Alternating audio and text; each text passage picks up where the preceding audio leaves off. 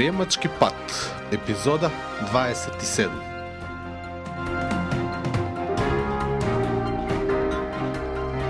Здраво и голем поздрав до сите слушатели на Предприемачки пат, подкаст на предприемач.ком, чија цел е да ви помогне во креирање на ваш собствен и уникатен предприемачки пат. А во оваа епизода ќе зборуваме за тоа како да стандардизирате процеси.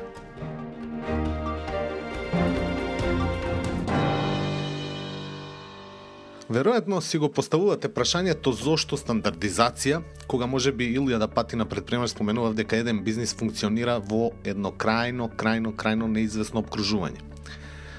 По едно вакво прашање сигурно се отворат нормално и други теми, како што се како да стандардизирам кога во моментот ќе имплементирам стандарди, а неизвестноста ќе си го направи своето и ќе доведе до нивно застарување. Неприменливост може би, или пак не знам, погрешно изведување на работата во самата компанија. Па да, прашањата може би држат вода. Сепак преку оваа епизода на предпремачки пат ќе навлезам малку во некои теми поврзани со стандардизација, со што ќе ви стане појасно зошто треба да стандардизирате. Работев со една компанија при што мојата задача како консултант беше да им помогнам во креирање на системи и процеси со пропратни процедури за да ја зголемат собствената продуктивност како прво, а нормално со тоа и профитабилноста на компанијата.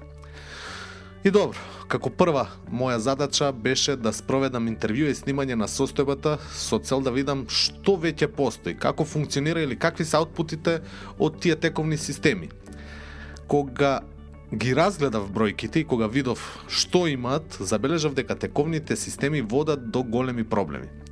Имено, иако просечната маржа на компанијата обезбедува потенцијал за многу висока профитабилност, сепак таа висока маржа не обезбедуваше профит како што самиот предприемач посакуваше да биде профит.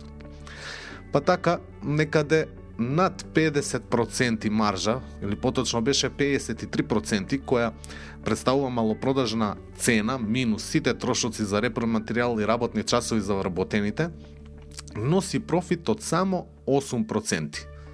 Нормално, од евиденцијата во книгите тоа го имаше забележано и самиот предприемач, но јас му а, но него а, јасно му беше дека тука проблемот не се веќе трошоци за репроматеријал, залих или пак фиксните трошоци кои постојат без разлика на обемот на работата и нивното а, намалување за да се обезбеди поголема профитабилност.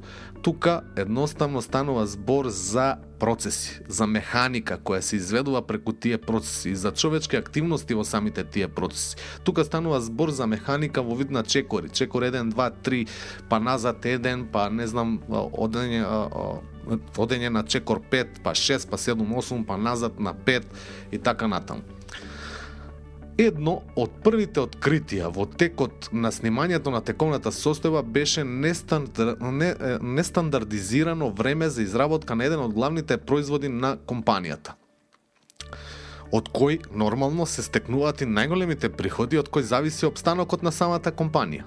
Па така имаше случаи за тој ист производ за кој се потребни истите репроматеријали кои се добиваат од истите снабдувачи, еднаш да имаме потребно време за изработка од 10 дена, потоа за следната нарачка времето беше 24 денови, а за некои нарачки дури неколку месеци станува збор за време од самата нарачка до успешно затворење на истата со плаќање од страна на купувачот. Сега прашањето е зошто се случува тоа? Имаме ист процес, не знам, имаме ист репроматеријал, имаме исти снабдувачи, исти вработени, исти менаджери, се е исто. А едноставно времето варира. Со подолго време, такво време, едноставно се зголемува и цената на работни часови, со што брзо се јаде онаа маржа од над 50%. Со подолго време, некои од купувачите едноставно го откажуваат договорот, бидејќи едноставно во договорот стои за колку време купувачот ќе го има производот кај себе сосема функционален. И повторно губење на предноста на високата маржа. Тоа е само еден проблем. Друг, така, како да кажам, позабележителен проблем од 12 откриени во фазата на снимање беше и грешка а, преголеми грешки во самото производство што пак истовремено беше една од причините за зголемено време на реализација на нарачката. Едноставно производот не беше во согласност со стандардите за кои се плаќа од страна на купувачот. Во таков случај, самиот процес на испорака води до неприфаќање од страна на купувачот, враќање, па повторно во погонот на доработка и преработка, спасување на она што може да се спаси, интегрирање на нови елементи во форма на repроматеријал по отстранување на оние грешните, оштетените веќе. Тоа едноставно пак значи јадење на тековната супермаржа која има компанијата како потенцијал. Едноставно забележав дека околу 23% од маржата оди за набавка на дополнителен репроматеријал заради исправање на погрешно произведен производ. Сето тоа води до катастрофални резултати, иако потенцијалот е голем. Да не зборуваме за изгубени купувачи, кои веќе никогаш не би сакале да имаат работа со таквата компанија повторно. Најголемите проблеми на оваа компанија доаѓаат заради непостоење на квалитетни системи со соодветни стандардни процедури кои ќе обезбедат високо продуктивно завршување на работата И тоа постојано. Значи и денес, и утре, и задутре, после една недела, после еден месец, после два месеци. Не мора да бидне само исто. Но не смее да бидне подолу од она што се смета како стандард. Може секоја наредна работа да биде подобра и по подобра. Ако било 10 дена како просек, стандард за завршување на работата, значи успех е да се оди со следната нарачка на 9 дена, па потоа на 8, се до последните можности каде што можеме нешто да подобриме. Е сега, кога станува збор за неизвестноста, единствено најнеизвестни се снабдувачите кои може да доцнат во испорака, квалитетот да не биде како што треба или не знам, нешто друго што е надвор од можноста на компанијата сама да го изменаджира онака како што треба. Но се друго останато, како доцнење во производство, променлива продуктивност на вработените, застој, не знам, на опремата, квалитет на самата работа на вработените, изведување на работата и такви слични работи може да се менаджираат директно само во компанијата. Ова не значи дека не треба да се работи на обезбедување на стабилни процеси кога станува збор за набавка на репроматеријал или доцнење во испорака од страна на снабдувачите, но значи дека ќе треба да се вклучат и снабдувачите во еден посилен процес кој ќе обезбеди подобра стабилност на самата испорака и нормално предвидливост. Значи јас како купувач сакам предвидливост, сакам да биде она што сме го договориле дека за 10 дена ќе го добијам да го имам за 10 дена веќе спремно и функционално. Сега, за реализација на целите на компанијата потребно е да постојат системи кои ќе поддржат постојано изведување на работата со највисок можен квалитет Тие системи се составени од различни подсистеми или процеси преку кои се реализира самата работа. А пак тие процеси се составени од стандардизирани активности кои треба да се изведат и стандардизирани резултати на тие активности. Значи како аутпут. Избир на тие стандардизирани резултати го дава вкупниот аутпут на самиот процес, потоа на самиот систем и потоа на целата компанија како еден главен систем. Ајде да го земеме како пример системот за селекција на кадри и обезбедување на тим со соодветни вештини и знаење, не знам што може да биде дел од секторот или одделение за човечки ресурси. Од што ќе биде составен тој тим? Односно тој систем. Ајде да се обидеме да ги наведеме некои процеси. Што ќе има еден систем за селекција на кадри и обезбедување на тим за соодветни вештини и, знаење. Како прво, значи, ќе има процес за привлекување на кадри, при што секогаш ќе имаме можност да вработиме квалитетна работна сила. Потоа, може да имаме процес за евалуација на привлечени кадри, при што ќе обезбедиме да немаме погрешни вработување, зашто ќе се каеме во иднината. Не знам, потоа, ќе имаме процес за селекција или избор на најсоодветни кадри, кој ќе обезбеди дека секој ќе биде рангиран согласно вистинските способности или вистинскиот потенцијал кој го има за потребите на нашата компанија. И тоа не е еднаш, не два пати, не три пати, туку постојано. Потоа, не знам, процес за вработување, кој ќе обезбеди брза и ефикасна формализација за вработување на избраните, оние кои што веќе сме ги селектирале. И, на пример, процес за обука за новопримени кадри, за да обезбедиме, обезбедиме брзо вклопување на новопримените во самата работа на компанијата. Значи, еден систем, што всушност е и подсистем во вашиот бизнис, ќе има повеќе процеси. Секој од тие процеси ќе има определена цел, но и за да функционира мора да има повеќе процедури кои се изведуваат за да се добие онаков излез од процесот како што е потребен заради реализација прво на целите на самиот систем, а потоа и на целите на компанијата. Така, например, процесот на евалуација, ако го извлечеме од овие што ги кажав, на веќе привлечени потенцијални кадри за компанијата може да биде составено следниве процедури. Прво, да кажеме стандардна процедура за анализа на предходно искуство на индивидуалците со што ќе се доби определена слика за соодветни вештини кои може да ги има потенцијалниот вработен. Потоа, не знам, стандардна процедура за тестирање на индивидуалците, со што ќе се провери способноста на потенцијалниот вработен.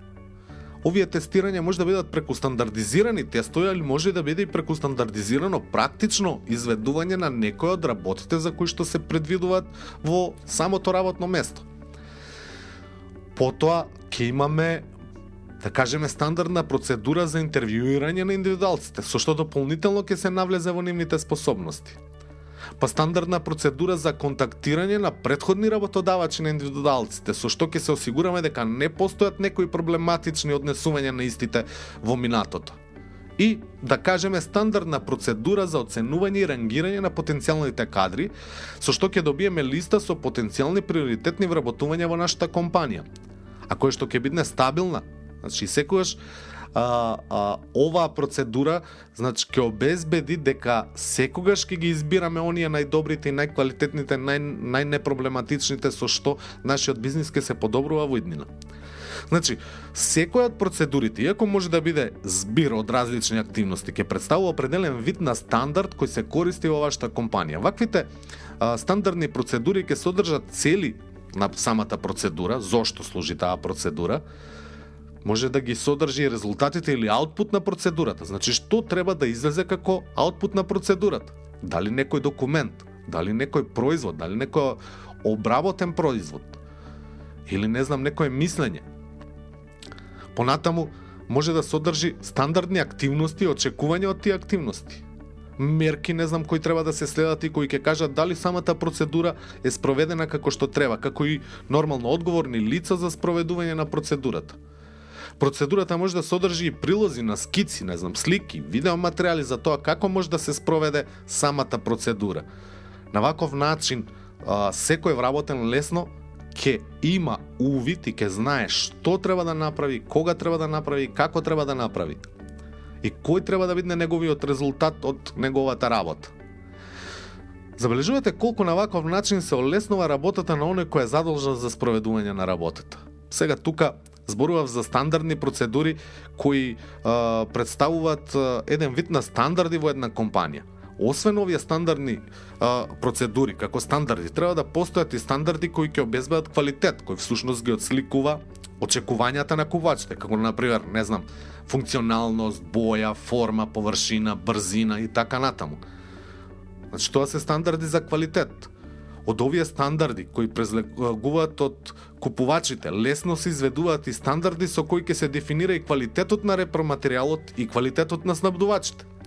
Од друга страна, за реализација на стандарди за квалитет, сите стандардни процедури мора да дадат свој придонес, што значи дека процедурите ќе зависат од стандардите за квалитет.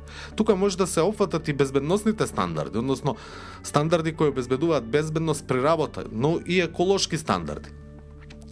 Освен овие видови на стандарди, се користат и така наречени спецификации кои представуваат посебен вид на стандарди и обезбедуваат технички информации за правилна работа со специфична опрема како што се, не знам да кажеме, методи на процесирање, како заварување, отсечување, стругање и слично. Потоа, не знам, димензии, толеранци, не знам, температура, притисок, време и така натаму.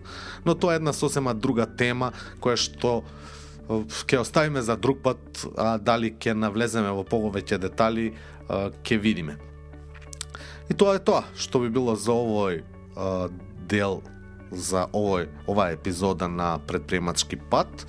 И за крај само најава дека следниот подкаст ќе биде на тема како до стабилни процеси, кое што сметам дека е доста интересна тема и ќе биде продолжување на оваа тема кога зборувавме за стандарди, бидејќи еден од начините за стабилизација на самите процеси представува а, и а, стандардизација. но ќе навлеземе во и некои други детали. Доколку имате прашања за оваа следна тема, можете да оставите гласовна порака на www.предприемаc.com косацртичка под цаст цртичка прасанаја. Па тоа е тоа за оваа епизода на предприемачки пат. Се надевам дека барем малку помогнавме во расветлување на тој ваш пат. Исто така, би бил благодарен доколку го оцените овој подкаст на iTunes, така ќе помогнете истиот да биде видлив и за други луѓе. Доколку веќе сте го сториле тоа, на вистина ви благодарам, прекрасни сте. И се до следната епизода. Запомнете, вие сте креатор на вашиот предприемачки пат, се е во ваши раце. Голем поздрав и до слушање.